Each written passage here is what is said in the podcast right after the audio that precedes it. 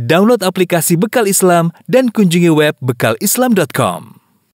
Alhamdulillahi ala ihsani wa syukru lahu ala taufiqihi wa amtinani wa asyhadu an la ilaha illallah wahdahu la syarika lahu ta'ziman li sya'nih wa asyhadu anna Muhammadan abduhu wa rasuluhu da'ila ridwanih. Allahumma salli alaihi wa ala alihi wa ashabihi wa ikhwani. Hadirin hadirat yang dirahmati Allah Subhanahu wa taala, kita melanjutkan bahasan kita tentang sirah nabawiyah. Pada pertemuan lalu kita telah jelaskan Nabi sallallahu alaihi wasallam begitu semangat untuk berdakwah menemui para orang-orang Arab yang datang berhaji di Mina ya. Sampai Nabi sallallahu alaihi wasallam mengatakan hal min rajulin yahmiluni ila qaumihi fa inna quraisyan mana'uni an uballigha kalama rabbi. Apakah ada orang yang bawa aku menuju ke kabilahnya ke sukunya? Sungguhnya aku ingin menyampaikan Islam karena orang-orang Quraisy melarangku untuk menyampaikan firman Allah Subhanahu wa taala Nabi dalam tanda kutip seakan-akan mengemis ingin bisa berdakwah karena dia tidak bisa berdakwah dilarang oleh orang-orang kafir Quraisy. Dan Nabi SAW mendatangi kabilah-kabilah dan di antara metode dakwah Nabi, Nabi selain mendatangi kabilah-kabilah, Nabi juga datang ke perorangan-perorangan. Pada pertemuan lalu telah kita sebutkan bagaimana Nabi bertemu dengan uh, Dhimat al-Asdi. Kemudian di antara uh, perorangan person yang ditemui oleh Nabi SAW dalam dakwahnya adalah Tufail bin Amr ad-Dawsi atau Tufail bin Amr ya Ad-Dausi uh, beliau adalah seorang penyair seorang yang cerdas dan seorang yang mulia di kaumnya. Bahkan dia adalah uh, pemimpin dari kabilah Daus di negeri Yaman. Dia datang ke Mekah yaitu setelah Nabi SAW diusir dari Taif. Kemudian begitu dia datang di Mekah didatangi oleh orang-orang kafir Quraisy dan orang-orang kafir Quraisy tidaklah mendengar seorang pun datang dari luar kota masuk kota Mekah kecuali mereka akan temui dan mereka akan ingatkan hati-hati jangan dengar ya perkataan Muhammad. Maka mereka pun mensifati Muhammad sallallahu alaihi wasallam kepada Tufail dengan sifat-sifat yang buruk. Ya, dia, mereka khawatir kalau orang datang ketemu Nabi nanti masuk apa? Islam. Mereka berkata, "Ya Tufail, innaka qadimta biladana. Wa hadha ar-rajul ladzi baina adhhurina qad a'dhala bina. Wahai Tufail kau sekarang datang ke negeri kami. Dan lelaki ini yaitu Muhammad maksud mereka yang ada di tengah-tengah kami ini telah membuat kami repot. Wa qad farraqa jama'atana dia telah memecah belah jamaah kami. Wa syattata amrana dia telah memporak-pandakan urusan kami. Wa inna ma qawluhu kasihr sungguhnya perkataannya seperti sihir. Yufarriqu baina rajul wa baina abihi dengan sihirnya tersebut si Muhammad bisa memisahkan antara seorang dengan ayahnya. Wa bainar rajuli wa baina akhi bisa memisahkan antara seorang dengan saudaranya. Wa bainar rajuli wa baina zaujatihi bahkan bisa memisahkan seorang dari istrinya. Wa inna nakhsha alayka wa ala qaumika ma qad dakhala alaina. Kami khawatir musibah yang menimpa kami ini akan menimpa kaummu juga kalau kau masuk Islam. Fala tukallimhu maka jangan ngomong sama Muhammad. Wala tasma'anna minhu syai'an. Jangan sekali-sekali dengar sesuatu pun dari Muhammad. Qala Tufail, fa wallahi ma zalu bi. Kata Tufail bin Amr Ad-Dausi, mereka terus membicara denganku, terus mengingatkan aku, ya. La ya, ma zalu yukhawifuni, mereka mengingatkan aku, mengkhawatirkan aku, hatta ajma'tu alla asma' minhu syai'an wala ukallimah sampai aku bertekad aku tidak bakalan mendengar sedikit pun dari perkataan Muhammad dan aku tidak akan ngomong sama dia sama sekali. Wa hatta hasyautu fi udhuni hina qadautu ila masjid kursufan farakan min an yablughani. Maka sampai-sampai rasa takut, khawatir yang luar biasa sampai aku mengambil kain kutun, aku masukkan ke dalam apa? telingaku. Jangan sampai ke Masjidil Haram ketemu Muhammad dengar omongan Muhammad. Bahaya, nanti tersihir ya.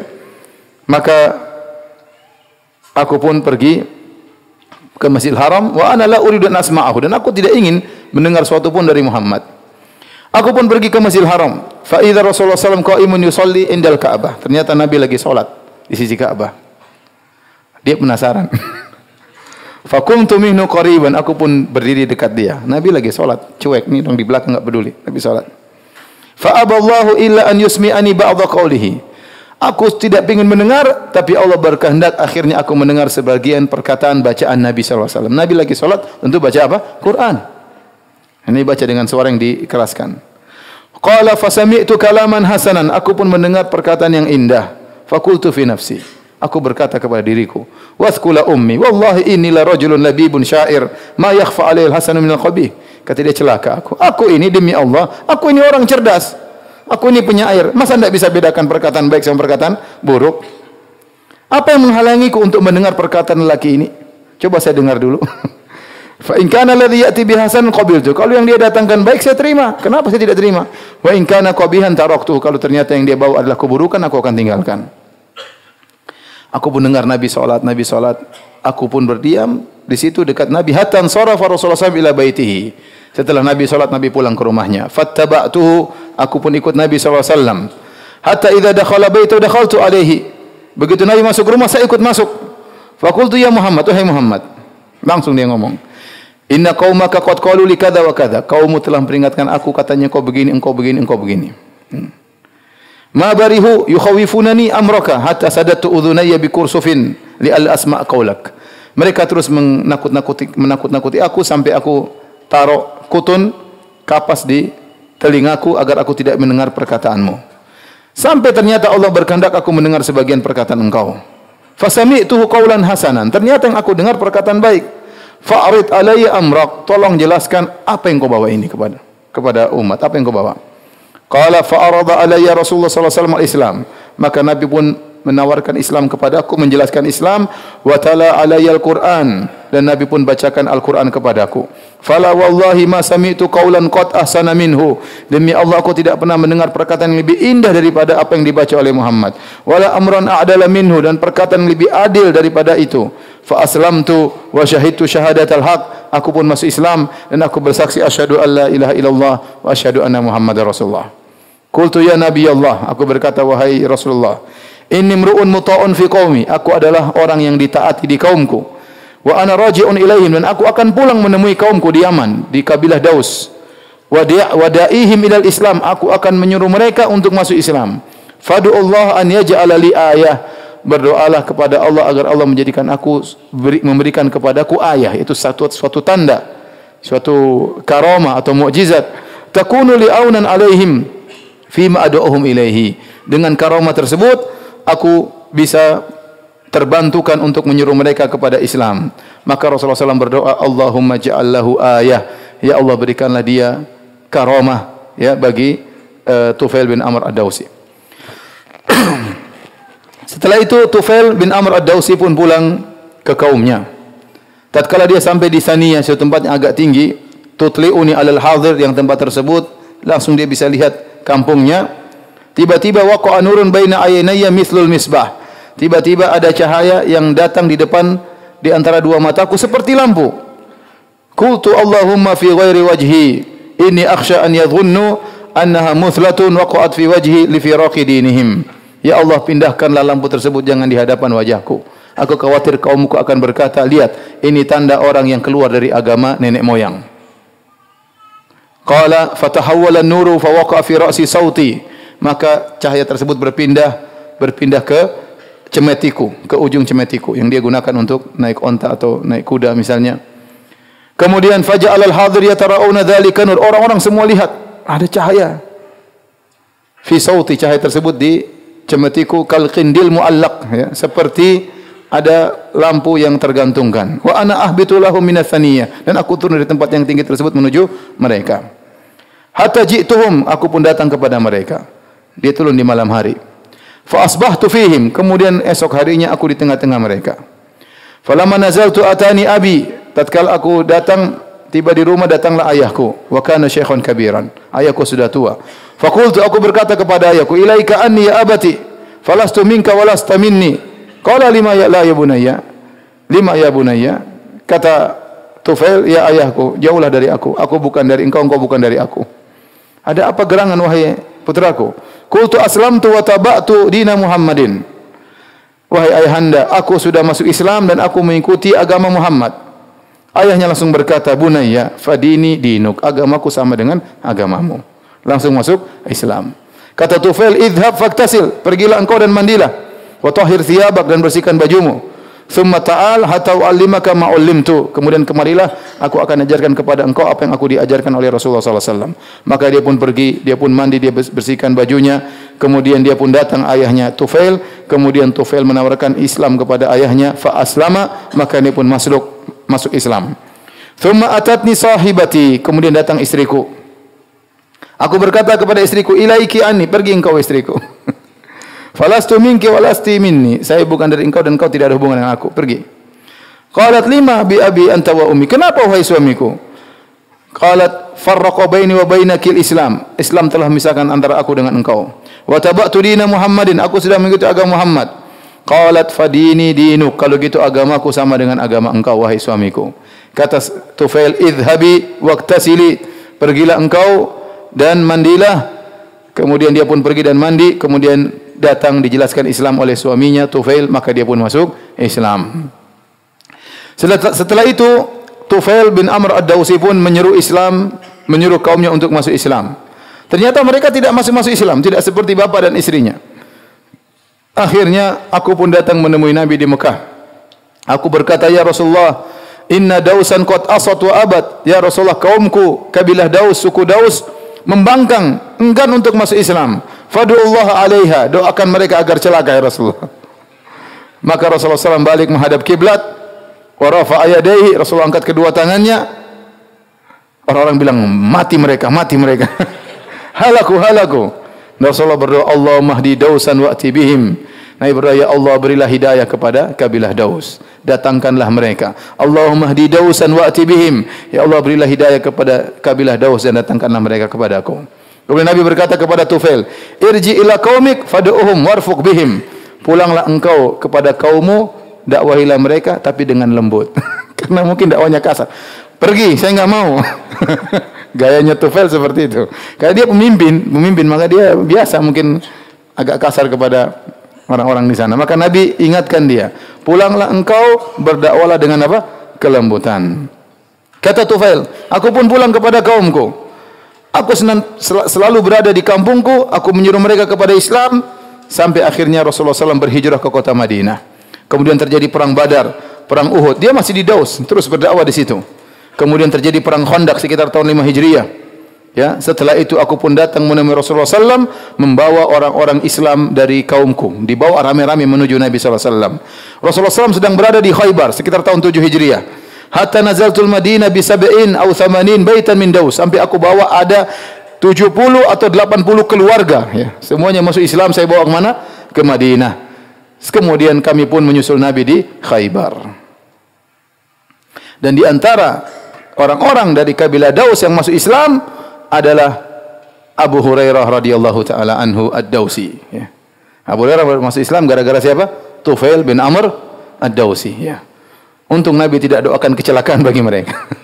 Doa Nabi Allahumma di Dausan. Ya Allah berilah petunjuk kepada Daus. Ternyata di antara mereka yang masih Islam subhanallah siapa? Abu Hurairah radhiyallahu anhu yang kita selalu mendengarkan hadis diriwayatkan oleh siapa? Abu Hurairah radhiyallahu taala anhu rawiyatul Islam. Bagaimana kisah Tufail bin Amr Ad-Dausi? Tufail bin Amr Ad-Dausi setelah Rasulullah SAW wafat dia tinggal di Madinah, ya.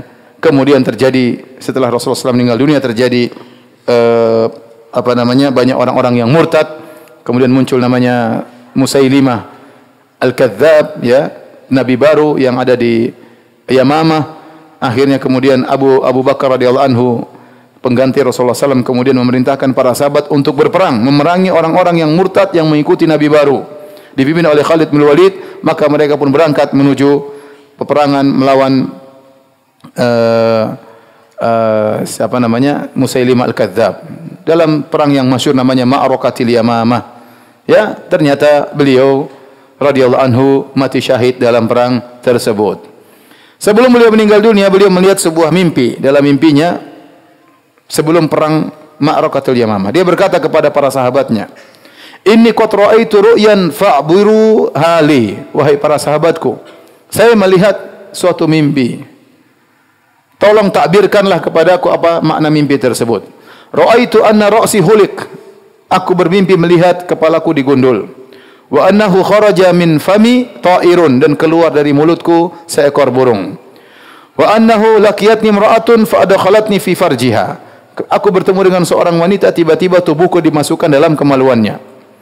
Wa ara ibni yatlubuni talaban hafizan dan aku lihat anakku berusaha mengikutiku. Thumma ra'aituhu bisa'anni dan aku melihat dia terhalang dariku. Qalu khairan kata teman-temannya, insyaallah ini mimpi yang baik. Qala kata Tufail bin Amr Ad-Dausi, "Amma ana wallahi qad awaltuha." Adapun aku demi Allah, aku telah mentakbir makna dari mimpiku ini. Qalu madza? Apa yang kau tafsirkan dari mimpimu? Qala amma hal qurasi faqat faqat'uhu. Adapun kepalaku gundul artinya kepalaku akan dipenggal. Wa amma ta'iru alladhi kharaja min fami faruhi. Adapun burung yang keluar dari mulutku maka itulah ruh yang akan keluar dari badanku. Wa ammal mar'atu allati adkhalatni farjaha. Adapun wanita yang aku lihat dia masukkan tubuhku dalam kemaluannya, fal ardu tuhfaru li fa aghibu fiha. Itu adalah bumi yang akan digali kemudian aku dikuburkan dalam bumi tersebut, aku pun tertutup oleh bumi tersebut.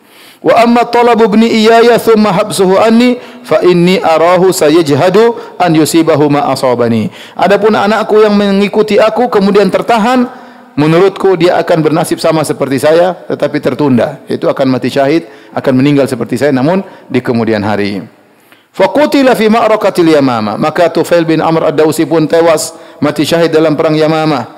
Kemudian anaknya meninggal fi ma'rakatil Yarmuk dalam perang Al Yarmuk yang juga dipimpin oleh Khalid ibn Walid radhiyallahu taala anhu di masa pemerintahan Umar bin Khattab radhiyallahu anhu. Ayahnya meninggal di masa pemerintahan Abu Bakar radhiyallahu anhu dan putranya meninggal di masa pemerintahan Umar bin Khattab radhiyallahu taala anhu. Kata Ibnu Katsir, waqat waqa al-amru amru kama awwalaha. Dan ternyata perkaranya terjadi sebagaimana tafsiran dari Tufail bin Amr Ad-Dausi radhiyallahu anhu.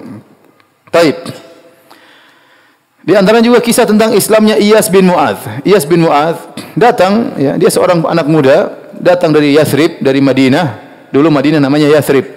Sebelum Nabi berhijrah namanya apa? Yathrib.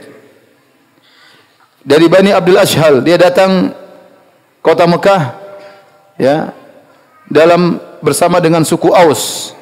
Mereka minta persekutuan dengan orang-orang Quraisy untuk melawan Khazraj. Jadi kaum Ansar itu terdiri atas dua suku, suku Al-Aus dan suku Al-Khazraj. Nah, suku Al-Aus dan suku Al-Khazraj ini nenek moyang mereka sama, namanya seorang ini namanya Qailah. Sehingga mereka disebut dengan Banu Qailah. Dua-duanya kembali kepada nenek yang sama, Qailah. Tetapi terjadi kesalahpahaman sehingga terjadi perang saudara. Selalu berperang antara suku Al-Aus dengan suku Al-Khazraj. Berperang terus. Sampai lebih dari 100 tahun mereka berperang. Akhirnya masing-masing mencari perlindungan. Suku Al-Khazraj minta perlindungan dengan orang Yahudi yang tinggal bersama mereka di Madinah. Suku Al-Aus minta perlindungan sama orang Quraisy. Minta perlindungan persekutuan kepada orang-orang Quraisy. Maka mereka datang dari jauh-jauh dari kota Madinah dengan beberapa dengan rombongannya. Mereka ingin minta bantuan dari suku Quraisy untuk melawan saudara mereka sendiri suku Khazraj. Maka mereka pun mampir di rumahnya Utbah bin Rabi'ah salah seorang kafir Quraisy pembesar Quraisy maka dia pun muliakan mereka ya. Kemudian mereka mohon kepada orang Quraisy agar membantu mereka untuk melawan suku Al-Khazraj. Nabi SAW mendengar kedatangan orang-orang Al-Aus ini ke kota Mekah. Maka Nabi pun datang kepada mereka. Kemudian Nabi duduk bersama mereka ya. Kemudian Nabi berkata kepada mereka halakum fi khairin mimma ji'tum lahu Maukah aku tawarkan kepada kalian yang sesuatu yang lebih baik daripada apa yang kalian cari di sini?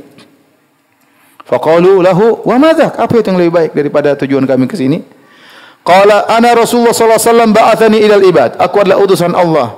Allah utus aku kepada hamba-hambanya. Ad'uhum ila an ya'budullaha wa la yusyriku bi syai'an. Nabi langsung kontan tidak lama-lama, langsung masalah tauhidnya. Tidak pakai mukadimah-mukadimah karena pertemuan mereka cuma sebentar ya. Mau nunggu ngobrol-ngobrol dulu keburu pulang ya. Kau bilang syirik nanti repot. Nabi langsung to the point. Aku utusan Allah, Allah mengirimku kepada hamba-hambanya. Aku menyuruh mereka agar menyembah Allah semata dan tidak berbuat syirik sama sekali. Wa anzala alayal kitab, Allah turunkan kepadaku Alkitab. Kemudian Nabi sebut tentang Islam. Nabi bacakan Al-Quran kepada mereka. Kemudian Iyas bin Mu'adh yang masih muda yang hadir di antara rombongan suku Al-Aus, beliau berkata, "Ei kaum, hadza wallahi khairun mimma ji'tum lahu." Benar yang dibawa oleh orang ini lebih baik daripada apa yang kita cari.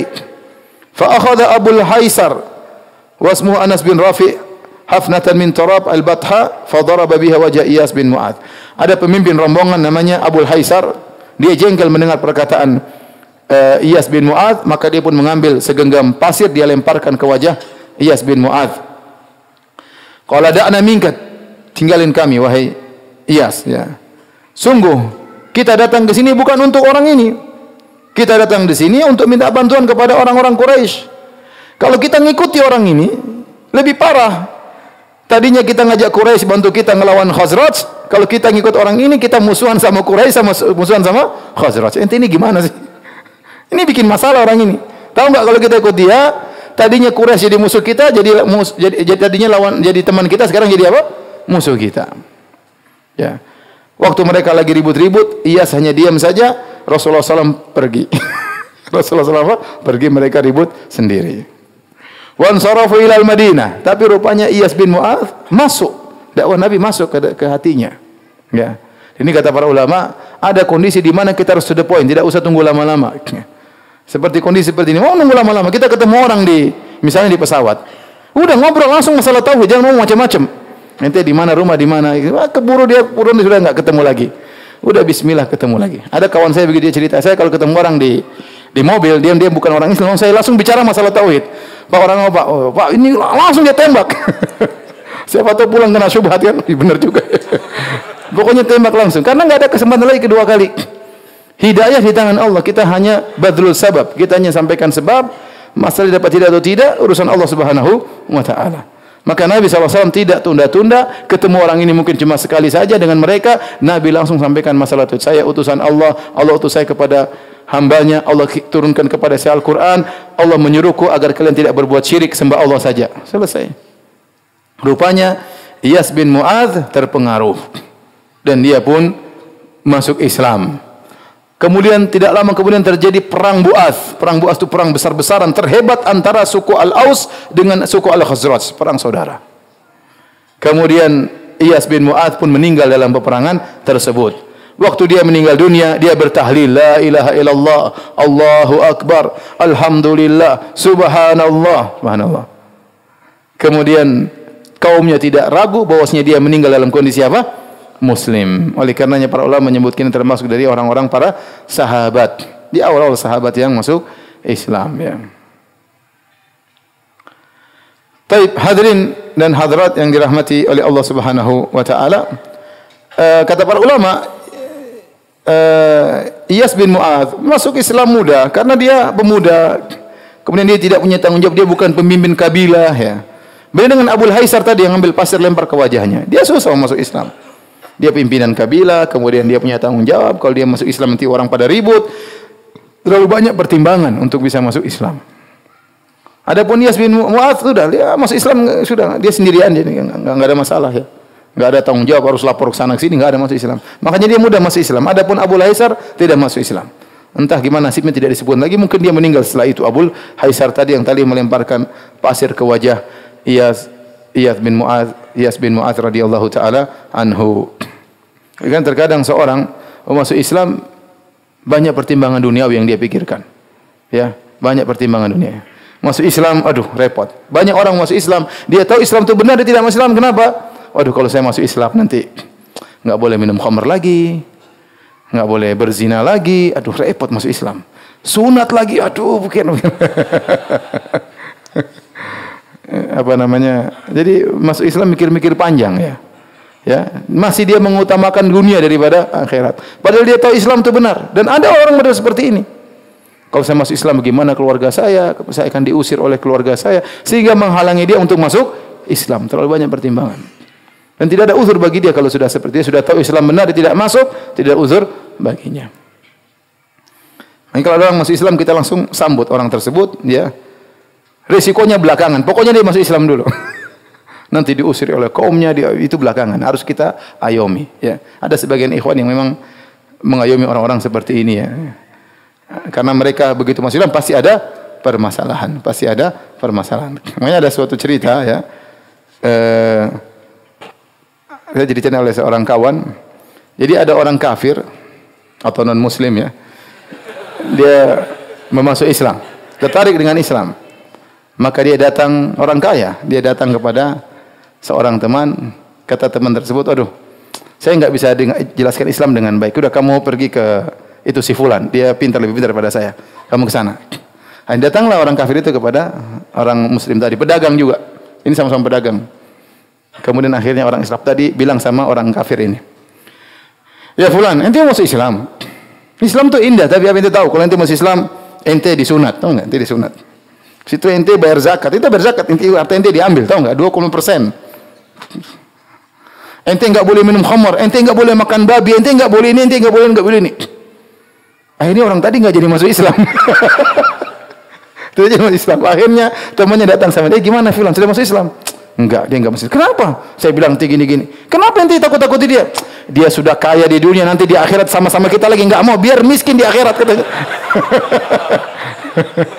Enak aja sudah kaya di dunia, di akhirat mau jadi orang kaya kayak kita enggak, biar dia masuk neraka. ini enggak boleh seperti ini. Ini haram. Bisa jadi dia memikul dosa orang tersebut ya. Saya kalau teman saya cerita ini benar Ustaz, terjadi Ustaz cerita ya. Tapi jadi kalau kita masih Islam sampaikan aja, jangan bikin takut-takut sama orang. Sampaikan indahnya Islam. Nabi tidak bilang nanti kalau kamu masuk Islam begini enggak ada. Nabi bilang Islam itu indah, Islam itu kebahagiaan, Islam itu gini. Ini masuk Islam Insya Allah sudah dapat hidayah, mau disunat, mau diapain, mudah insya Allah. Yang penting dia masuk Islam dulu. Dekati dia, jadikan teman, kemudian dakwahi dia. Baru nanti dia pikir masalah belakang belakangan. Jangan ditakut-takuti sejak sejak awal. Ya. Ya. Nanti kalau masuk Islam nanti bisa istri empat loh. Semangat dia masuk Islam. Tapi Yaumul Bu'ath adalah perang besar-besaran yang terjadi menjelang Nabi SAW berhijrah. Ada yang mengatakan lima tahun sebelum Nabi berhijrah terjadi perang Bu'ath. Perang Bu'ath ini memang uh, mukaddimah yang Allah berikan kepada Nabi SAW. Al-Imam Al-Bukhari meriwayatkan dalam sahihnya dari Aisyah radhiyallahu taala anha qalat Beliau berkata, "Kana yaumu bu'atsin yauman qaddamahu Allah li rasulih." Sungguhnya perang Bu'ath adalah hari peperangan yang mukaddimah Allah berikan kepada Nabi sallallahu alaihi wasallam. Faqadima Rasulullah sallam wa qad iftaraqa mala'uhum wa qutilat sarawatuhum. Nabi datang kepada mereka berhijrah dalam kondisi mereka sudah ya tidak kuat lagi dalam kondisi pembesar-pembesar mereka sudah tewas wajurihu dan terluka ya sehingga ini memudahkan mereka untuk masuk Islam. Buat adalah suatu makanan eh, suatu tempat ya suatu tempat yang ada di semacam uh, hisan semacam benteng ada yang mengatakan adalah mazra'ah yaitu semacam kebun yang letaknya dekat kampung Bani Quraidah. Kira-kira uh, satu setengah kilo atau dua kilo atau berapa kilo dari di daerah kiblat, daerah kiblat. Kiblat dari Masjid Nabawi. Di situlah terjadi peperangan besar-besaran antara suku Al-Aus dan suku Khazraj. Dan perang besar-besaran tersebut mengakibatkan pimpinan-pimpinan mereka pada tewas seluruhnya. Suku Al-Aus dipimpin oleh Hudair, bapaknya Usaid bin Hudair radhiyallahu anhu. Kemudian suku Al-Khazraj dipimpin oleh Amr bin Nu'man Al-Bayadi. Kemudian terjadi peperangan ya. Pertama, kemenangan dipegang oleh suku Khazraj. Kemudian Hudair pimpinan suku Aus mengkokohkan pasukannya, akhirnya terbalik Aus yang menang. Dan Hudair pun terluka. Adapun Amr bin Nu'man pimpinan Sukharaj meninggal dunia dalam peperangan. Hudair terluka tatkala itu kemudian dia meninggal setelah terjadi peperangan. Sekitar lima tahun sebelum hijrah peperangan ini terjadi. Sehingga pembesar-pembesar yang ada di suku Aus Khazraj semuanya tewas. Semuanya tewas. Tinggal anak-anak muda. Umur 30-an, 34, 35, semua yang tua-tua semuanya sudah meninggal. 40 ke atas pada tewas semuanya. Tewas dalam peperangan tersebut. Dan ini ya memudahkan anak-anak muda untuk masuk Islam. Cuma tinggal satu senior yang masih hidup, satu ekor yang masih hidup, yaitu Abdullah bin Ubay bin Salul, pimpinan orang-orang munafik. Dia satu-satunya senior yang masih hidup dari suku Aus dan suku Khazraj. Yang lain semua sudah tewas. Makanya dia adalah penghalang utama dakwah Nabi di kota Madinah.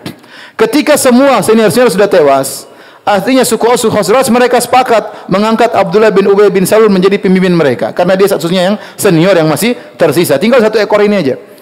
Dia yang harus diangkat menjadi pemimpin. Maka dia sudah senang bakalan diangkat menjadi pemimpin kota Madinah. Tiba-tiba Nabi datang berhijrah, semuanya masuk Islam, menjadikan Nabi sebagai pemimpin. Maka dia hasad. Dia hasad kepada Nabi sallallahu alaihi wasallam. Dia tidak mau masuk Islam. Tidak mau masuk Islam. Terus tidak masuk Islam sampai terjadi perang Badar pada tahun 2 Hijriah. Kemudian orang Quraisy terkalahkan, maka dia pun takut akhirnya dia masuk Islam cuma KTP doang dia jadi orang apa munafik sampai tewas dalam kondisi apa munafik Abdullah bin Ubay bin Salul ya Taib Bagaimana kisah awal masuknya kaum Ansar dalam Islam? Hadirin dan hadirat yang Allah Subhanahu wa taala. Nabi berdakwah menawarkan Islam, menawarkan dirinya kepada kabilah-kabilah. Nabi dapati hati mereka tertutup seluruhnya. Tidak ada yang mau terima. Tidak ada mereka tertutup. Ya, apalagi orang-orang Quraisy gencar mengatakan hati-hati. Ini penyihir namanya Muhammad. Hati-hati jangan sampai sihir kami yang menimpa kami berpindah ke kampung kalian. Hati-hati. Semua orang takut dengar perkataan Rasulullah sallallahu alaihi wasallam. Begitu Nabi jalan semua tunjuk, ini ini orangnya, ini orangnya, semua nunjuk Nabi. Semua nunjuk. Nabi ke mana ditunjuk sama mereka, ini hati-hati, tukang sihir ini orang gila ini, majnun, sinting semuanya disebut. Dukun semuanya. Setiap ada orang mau datang dari jauh, semuanya datang orang-orang Quraisy ingatkan hati-hati. Bahkan di kampung mereka sudah ingatkan, saking Nabi terkenal ini, kalau ada orang datang dari jauh, orang kampung mereka ingat hati-hati dengan Muhammad ya. Kamu sana jangan dengar perkataan apa? Muhammad. Ihdar gulama Quraisyin la yaftinu. Hati-hatilah kau dengan pemuda Quraisy di sana. Jangan sampai kau terfitnah di dalam agamamu. Tetapi Nabi SAW dalam kondisi yang berat dalam berdakwah, Nabi tidak pernah putus asa. Terus bersabar. Datang lagi, tidak terima nggak ada masalah. Nabi datang lagi, kau bilang, tidak terima nggak ada masalah. Nabi datang per orang, per son, per kelompok, Nabi datang terus. Bertahun-tahun Nabi lakukan demikian. Nabi bersabar dan belum ada orang yang terima. Sampai akhirnya pada tahun 11 kenabian. Tahun 11 kenabian. Nabi berhijrah tahun 13 kenabian. Nabi di Mekah berapa tahun? 13 tahun. Belum disebut tahun Hijriah, belum. Masih tahun apa? Kenabian. Nanti setelah Nabi berhijrah baru disebut tahun apa? Hijriah. Pada tahun 11 kenabian Rasulullah SAW berdakwah, ya. Meskipun kondisi semakin sulit, semakin sempit, diintimidasi oleh orang Quraisy, kemudian tersebar isu-isu tentang Muhammad, kedusan-kedusan yang tersebar di sana sini, tetapi Nabi tidak putus asa, ya. Dan tatkala menjelang musim haji, Nabi berangkat siap berdakwah menemui kabilah-kabilah tersebut, siap untuk berdakwah meskipun Nabi tahu mereka tidak mau terima, tapi Nabi tidak peduli. Ya. Karena mereka dari kampung sudah diingatkan, jangan dengar-dengar siapa? Muhammad. Bayangkan dari kampung sudah diingatkan, hati-hati. Jangan dengar orang itu. Kemudian Allah menghendaki kebaikan. Maka tatkala Rasulullah SAW lagi berdakwah di Mina, sampailah Nabi di Aqabah. Ya, Aqabah suatu agak gunung yang dekat di Mina, daerah Mina. Nabi bertemu dengan Rahtan min al-Khazraj. Nabi bertemu dengan sekelompok orang dari Al-Khazraj. Beberapa orang, ada yang bilang enam orang, tujuh orang, delapan orang ya. Allah menghendaki kebaikan lewat mereka. Nabi langsung sapa. Kata Nabi, "Man antum?" Siapa kalian?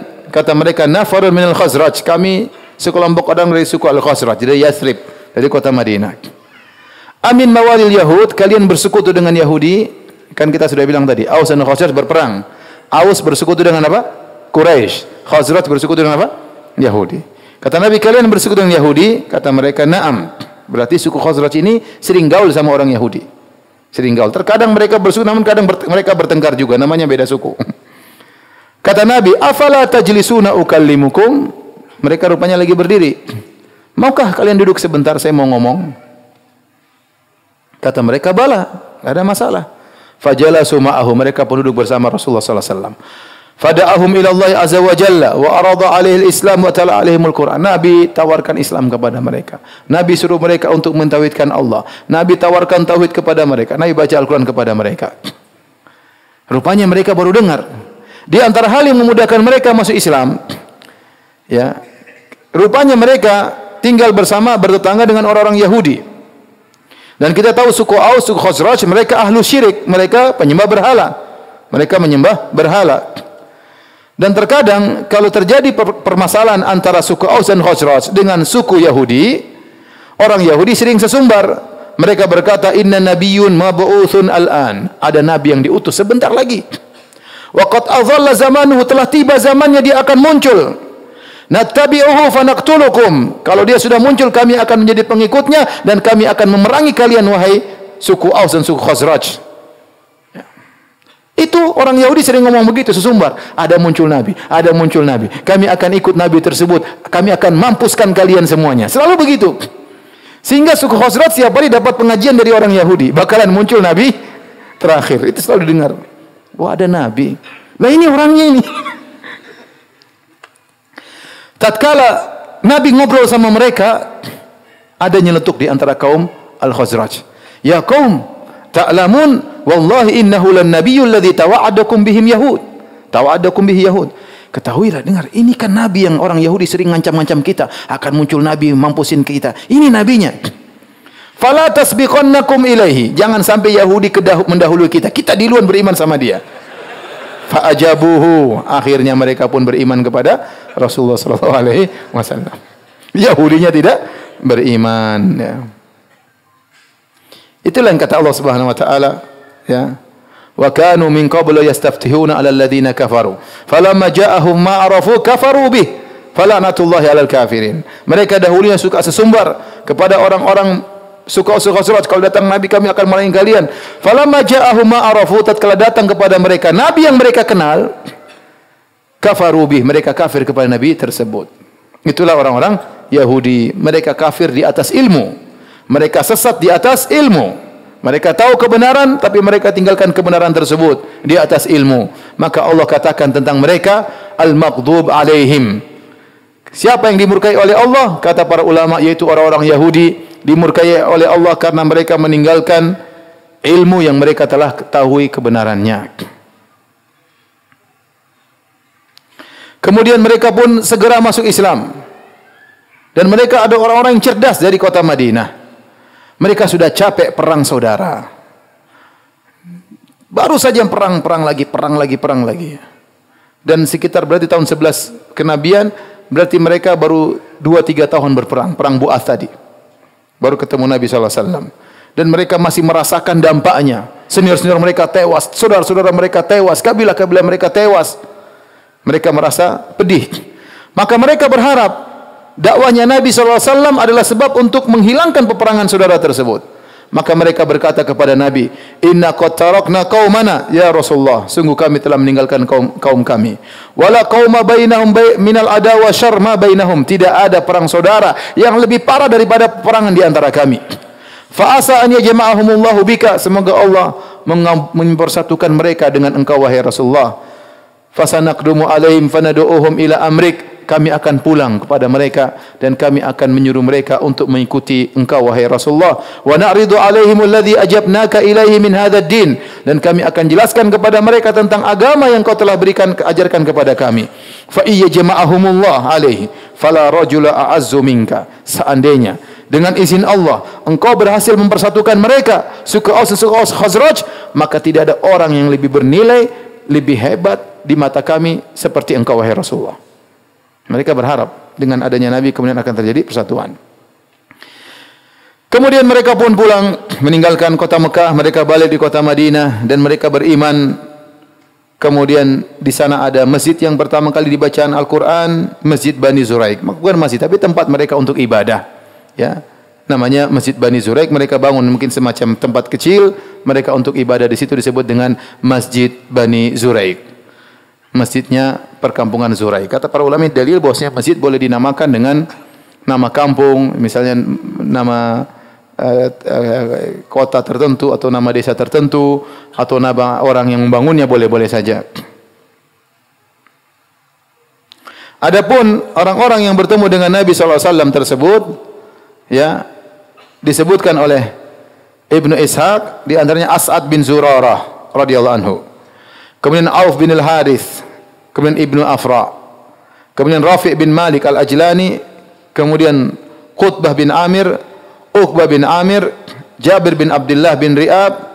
Ya, ini di antara enam orang yang bertemu dengan Nabi SAW di Mina. Tatkala mereka pun masuk Islam mendengarkan dakwah Nabi sallallahu alaihi wasallam.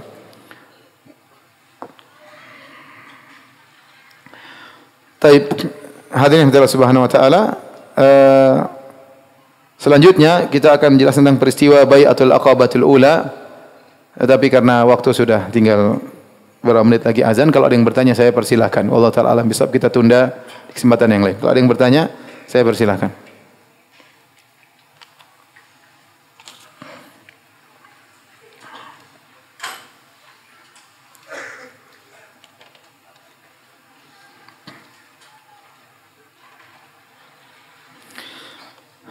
Uh, Ustaz Anda mendengar hal khilaf dalam fikih zikir pagi dan petang sebagian mendaifkan beberapa zikir dalam karangan Syekh Sa'ad bin Ali atau yang biasanya tersebar. Sebagian mengatakan tidak. Mana yang roji Ustaz? Ya.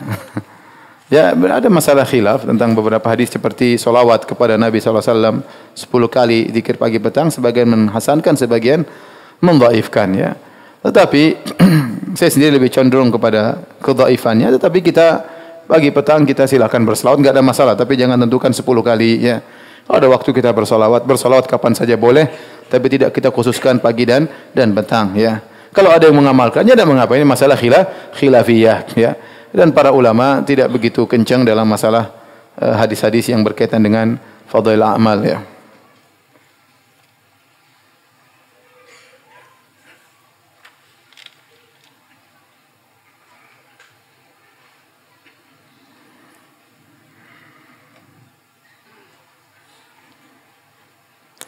Bagaimana kalau ada yang berdalil dengan surat Al-Baqarah ayat 62 bahwasanya ada orang-orang kafir yang akan menerima pahala sehingga kedudukannya tidak dapat dikatakan pasti di neraka karena mereka menerima pahala. Ini dalilnya orang liberal ya. Dan saya sudah ini termasuk ayat yang saya bahas dalam disertasi S3 saya ya. Dalil-dalil yang digunakan oleh kaum liberal ya untuk melegalkan keyakinan mereka semua agama apa? Baik, semua agama sama. Ya akhi, kalau semua agama sama, ya udah kita nggak usah berdakwah ya. Iya. Dan ini sebenarnya pemahaman ini diselisih oleh seluruh semua agama. Ente bilang emang orang-orang Nasoro mengatakan kita masuk surga? Enggak, mereka menamakan kita domba-domba yang sesat. Kita dianggap tersesat ya. Setiap agama masing-masing merasa mereka yang benar. Kalau mereka tidak merasa benar, mereka tidak akan fanatik dengan agama mereka. Apalagi Yahudi, enggak mungkin mereka berpemahaman liberal. Enggak mungkin mereka. Mereka meyakini bahwa yang masuk surga cuma orang-orang apa? Yahudi. Tolong azan dulu. Hadirin dan hadirat yang hormati Allah Subhanahu wa taala, ya. Uh, saya katakan tadi bahwasanya paham liberal yang menganggap semua agama uh, sama ini adalah pemahaman yang dimusuhi oleh seluruh agama ya. Oleh karenanya agama-agama lain tidak menerima liberalisme sebenarnya. Masing-masing agama merasa mereka yang paling apa? benar ya. Makanya orang Nasara begitu giat untuk mengadakan apa misionaris atau kristenisasi ya. Kalau mereka anggap semua agama benar ngapain kristenisasi? Ngapain? Ya, ngapain mereka menamakan orang luar mereka dengan domba-domba yang sesat ya. ya. Makanya saya pernah ke satu kampung di Papua, di eh, kampung kebetulan banyak orang Islam, kemudian mereka cerita sama saya, kata mereka, Ustaz, kemarin ada orang-orang Nasoro datang ke sini, mereka mengatakan mereka ingin menyelamatkan domba-domba yang tersesat. Saya bilang sama mereka, kalau mereka datang lagi, bilang di sini nggak ada domba, sini semuanya onta. Jadi apalagi Yahudi, kalau Yahudi mereka lebih fanatik lagi lebih daripada Nasara ya. Ya. Wa qalu la yadkhulul jannata illa man kana hudan aw nasara. Nasrani dan Yahudi berkata dalam Al-Qur'an, mereka berkata tidak mungkin masuk surga kecuali Yahudi atau Nasrani. Mereka yang mengatakan demikian. Apa Allah bohong? Wa qalu la yadkhulul jannata illa man kana hudan aw nasara. Kata mereka tidak akan masuk surga kecuali Yahudi dan Nasrani. Allah berkata, "Qul ya ayyuhalladzina hadu in za'amtum am annakum awliya'u lillahi min dunin nas." Katakanlah wahai Rasulullah kepada orang Yahudi, kalau kalian menyangka hanya kalian wali-wali Allah yang lain enggak. Yahudi. Mereka merasa cuma mereka saja wali-wali Allah. Kul in kanat lakumud darul akhiratu indallahi khalisatan min dunin. Katakanlah, kalau kalian meyakini bahwasanya surga itu hanya milik kalian yang lain enggak. Itu Yahudi juga keyakinan seperti itu. Liberalisme tidak tidak jalan. Kita bicara sama, Buddha Hindu juga demikian. Coba ada orang orang Hindu masuk Islam, dimusuhi juga di keluarganya. Lihat orang Buddha, sebagian terjadi peperangan dengan orang Islam. Kemudian ini pemahaman dari mana? Ini pemahaman sampahnya orang Islam. Orang-orang agama lain saja tidak mau disamakan dengan orang Islam, kita mau menganggap agama kita sama dengan mereka. Ya kita toleransi masalah lain, tapi masalah meyakini agama kita sama dengan mereka, sama-sama surga, enggak mungkin. Satu-satunya agama yang menyuruh kepada penyembahan terhadap pencipta alam semesta cuma Islam. Yang lain menyembah nabi, yang lain menyembah pohon, yang lain menyembah patung, yang lain, yang lain menyembah orang, yang lain menyembah kuburan, ya. Yang menyembah pencipta alam semesta cuma agama apa? Islam. Apa disamakan kita agama kita menyembah Allah sama dengan menyembah sapi? Ya akhi, gimana? Oleh karenanya liberal ini adalah pemahaman yang tersebar di Islam untuk merusak Islam. Makanya disokong oleh orang-orang kafir atau non-muslim, disokong. Kenapa? Karena mereka tahu kerusakan yang potensi kerusakan yang keluar ditimbulkan oleh orang yang berKTP Islam lebih mudah daripada orang luar. Kalau ada orang Misalnya pendeta mengatakan kita liberal, orang nggak mau dengar. Tapi kalau yang bilang pemahaman liberal adalah orang profesor, doktor, rektor, ya, orang mau dengar. Orang mau dengar. Nabi SAW berkata, La yasma'u bi ahadun min hadhil umma yahudiyyun wala nasraniyyun thumma mata wa lam yu'min billadhi ursiltu bi ila kana min ahli nar. Tidak seorang pun dari umat ini mendengar tentang aku tentang Islam. Yahudi atau Nasrani kemudian meninggal tidak beriman dengan apa yang kau bawa kecuali penghuni neraka jahanam. Dalam Sahih Muslim Nabi bilang demikian. Ini sesuai dengan firman Allah Subhanahu wa taala, "Inna dina indallahi al-Islam." Ente dulu SD sudah diajarin kan? Saya belajar agama saya masih ingat di Papua, di Papua saya belajar agama, ayat yang saya pelajari di SD, "Inna dina indallahi apa? Islam." Sungguhnya agama yang diridhai oleh Allah cuma apa? Islam. Kalau semua agama benar, semua agama bisa masuk surga, ngapain Nabi capek-capek dakwahi Raja Heraklius kirim surat sampai Nabi ancam kata Nabi SAW ila Herakl azimur Rum min Muhammad Abdullah wa Rasulih kepada Heraklius pembesar Romawi dari Muhammad hamba Allah dan Rasulnya. Fa inni assalamun salamun ala man al huda. Keselamatan bagi orang yang ikut petunjuk karena Heraklius belum ikut petunjuk. Kata Nabi SAW, Ada'uka bidi ayat al-Islam. Aku menyeru kepada engkau dengan seruan Islam. Aslim taslam. Kau masuk Islam, kau akan apa? Selamat. Yu'tika Allahu ajrahu marratain. Allah akan berikan kau pahala dua kali kalau kau masuk Islam. Pahala tatkala Nasrani dan kalau kau Islam. Kalau kau masuk Islam. Fa in tawallait kalau kau berpaling tidak masuk Islam, fa inna ma 'alaika itsmul arisiyin. Kau akan tanggung dosa rakyatmu. Coba Nabi bilang. Itu ancaman atau senyuman. Itu ancaman ya. Kalau kau tidak nurut dengan Islam, kau akan menanggung dosa rakyatmu. Kemudian Nabi bacakan firman Allah. Ya, Qul ya ahlal kitab ta'alu ila kalimatin sawa'in bainana wa bainakum. Wahai ahlul kitab, marilah menuju satu kalimat yang sama antara kami dengan kalian. Kalimat yang sama itu apa? Allah na'budu ilallah. Jangan kita beribadah kecuali hanya kepada Allah. Wala nusyrika bi syai'a. Jangan berbuat syirik sama sekali. Wala yattakhidhu ba'duna ba'dhan arbaban min dunillah. Bin dunillah. Ba'duna ba'dhan arbaban min dunillah. Jangan sampai sebagian kita mengangkat sebagian lain menjadi tuhan-tuhan selain Allah. Seperti perbuatan orang Nasara. Orang-orang liberal, mereka potong-potong ayat. Sampai dulu ada buku judulnya Jaringan Islam Liberal. Apa dalil mereka? Bukankah kita sama dengan mereka? Allah berfirman, "Ya ahlal kitab, ta'alu ila kalimatin sawa." Wahai ahlul kitab, marilah kita menuju kalimat yang sama. Kalimat yang sama itu apa? Sama-sama adil, sama-sama rahmat, sama-sama berkasih sayang. Mereka potong ayat padahal kelanjutannya. Allah na'budu illallah. Kalimat yang sama itu apa? Jangan berbuat syirik. Itu kalimat yang sama yang diserukan oleh Nabi Isa, yang diserukan oleh Nabi Musa alaihissalam. Bukan rahmat, bukan ya, rahmat semua, tapi masalah utama adalah masalah siapa yang kita sembah di dunia ini. Allah mengatakan dalam Al-Qur'an, ya, "Wa ma khalaqtul jinna wal insa illa liya'budun." Tidak aku ciptakan jin dan manusia kecuali hanya untuk beribadah kepada Allah Subhanahu wa taala. Itu tujuan utama kita hidup. Masalah akhlak, masalah rahmat, kasih sayang itu urusan kedua. Yang pertama, apa hubungan ente dengan Tuhan ente?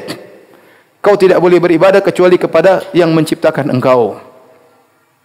Waktu Nabi ditanya oleh Ibnu Mas'ud, "Ayu dzambi a'zam?" Ya Rasulullah, dosa apa yang paling besar? Kata Nabi, "Antaj'ala lillahi niddan wa huwa khalaqak." Engkau beribadah kepada Allah padahal yang menciptakan engkau cuma Allah Subhanahu wa taala. Ibadah sama sapi, ibadah sama Nabi, menyembah Nabi Muhammad, menyembah Nabi Isa, menyembah malaikat, semua ciptaan Allah Subhanahu wa taala. Ciptakan. Emang para nabi tersebut ikut bersama Allah ciptakan engkau? Tidak. Yang ciptakan cuma siapa?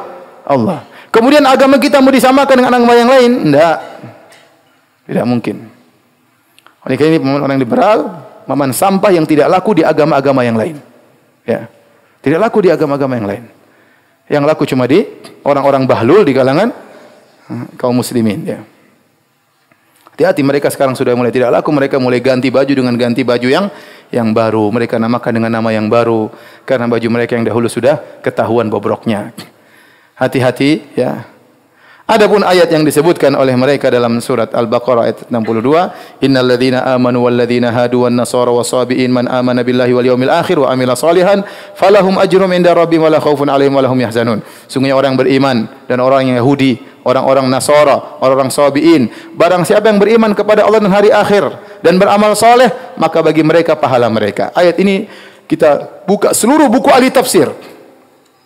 Saya sudah periksa dan ini karena salah satu kebohongan ya Dr. Abdul Muksid Ghazali tatkala dia mendadil dengan ayat ini ya. Nafsir ngawur. Jadi mereka ngakunya kata mereka bahwasanya kita ini harus ilmiah padahal mereka pendusta dan saya sudah ucapkan ini berulang-ulang. Saya katakan mereka orang liberal itu, itu pendusta. Karena saya langsung cek per, per buku mereka mereka berdusta nama ahli tafsir. Mereka bilang Ibnu Katsir bilang begini, Rashid Ridho bilang gini padahal dusta besar. Saya sudah buka buku tafsir sudah dari awal sampai akhir. Tidak ada yang mengatakan bahwasanya orang Nasara yang menyimpang masuk surga enggak ada. Tafsir ayat ini cuma dua. Yang pertama, bahwasanya orang-orang Nasara Yahudi kalau mereka beriman kepada Allah, artinya mereka masuk Islam. Beriman kepada Muhammad, baru mereka dapat pahala. Ini Allah menawarkan mereka, wahai Yahudi, wahai Nasrani, wahai Sabiin, kalau kalian beriman kepada Allah hari akhirat, berarti masuk apa? Islam, maka kalian akan dapat pahala. Tafsir pertama. Tafsir kedua, maksudnya orang-orang Orang Yahudi di zamannya tatkala mereka tidak berbuat syirik, mereka beriman kepada Allah. Orang-orang Nasara di zamannya tatkala mereka tidak berbuat kesyirikan, mereka beriman kepada Allah, maka mereka juga dapat apa? Pahala. Dan banyak orang-orang Nasara yang masih ahnaf seperti Waraqah bin Naufal. Sebelum datang Nabi dia beragama Nasrani, tapi dia bertauhid kepada Allah Subhanahu wa taala. Ya, oleh karenanya orang kalau statusnya kafir, ya, atau non muslim ya, maka tempatnya di mana? Di non surga. di non surga ya. Nabi SAW berkata kepada salah seorang sahabat, "Haitsuma mararta bi qabri kafir, fabashirhu bin nar." Setiap kau lewat kuburan orang kafir, berilah kabar gembira tentang neraka jahanam. Maka sahabat ini capek, lihat selamat masuk neraka, selamat masuk neraka. Hadisnya ada, mau diapain? Ya, kalau semua agama sama ngapain Nabi capek-capek dakwah-dakwah sana sini ke sana. Sudah semuanya masuk surga. Ngapain Nabi capek-capek dakwah? Ngapain sampai terjadi peperangan lawan orang-orang Romawi? Ngapain? Nabi kurang kerjaan. Nulis surat kepada Raja Heraklius kurang kerjaan. Maka saya katakan perkataan orang liberal ini kekufuran. Mengatakan semua agama sama, melazimkan sama antara tauhid dengan kesyirikan dan itu kekufuran. Hati-hati. Jangan sholat di belakang mereka. Kalau mereka meninggal jangan sholatin mereka. Ya. Demikian subhanakallah bihamdik asyhadu alla ilaha anta. Assalamualaikum warahmatullahi wabarakatuh.